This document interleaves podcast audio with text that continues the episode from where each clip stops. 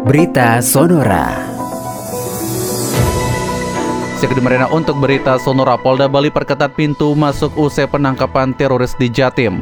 Kepolisian daerah atau Polda Bali akan memperketat penjagaan di pintu masuk kawasan Bali setelah adanya penangkapan terhadap pelaku terduga teroris VSI di Desa Sumber Mujur, Lumajang, Jawa Timur. Terkait dengan kasus teroris itu biasanya yang merilis nanti dari Divisi Humas Polri.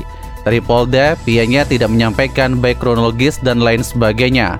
Hal itu diungkapkan oleh Kepala Bidang Hubungan Masyarakat atau Kabid Humas Kepolisian Daerah Bali Komisaris Besar Polisi Stefanus Sataki Bayu Setianto saat ditemui di Mako Polda Bali. Bayu Setianto menyatakan bahwa pihaknya tengah melakukan usaha-usaha pencegahan agar tindakan terorisme tersebut tidak mengganggu jalannya persiapan menjelang puncak konferensi tingkat tinggi atau KTT G20 yang akan berpuncak pada November mendatang.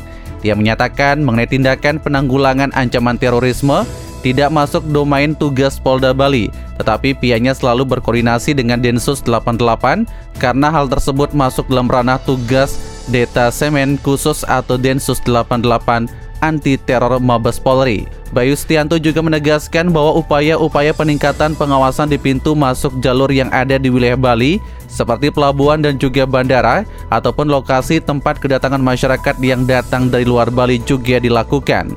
Hal itu bertujuan untuk mengetahui secara pasti identitas para penghuni tempat tinggal yang ada di Bali dan termasuk warga Bali sendiri. Demikian Gede Merena untuk berita Sonora kembali ke program selanjutnya. Demikian berita Sonora. Anda bisa mendengarkan berbagai informasi dalam bentuk audio via podcast Sonora Bali 98,9 FM on Spotify.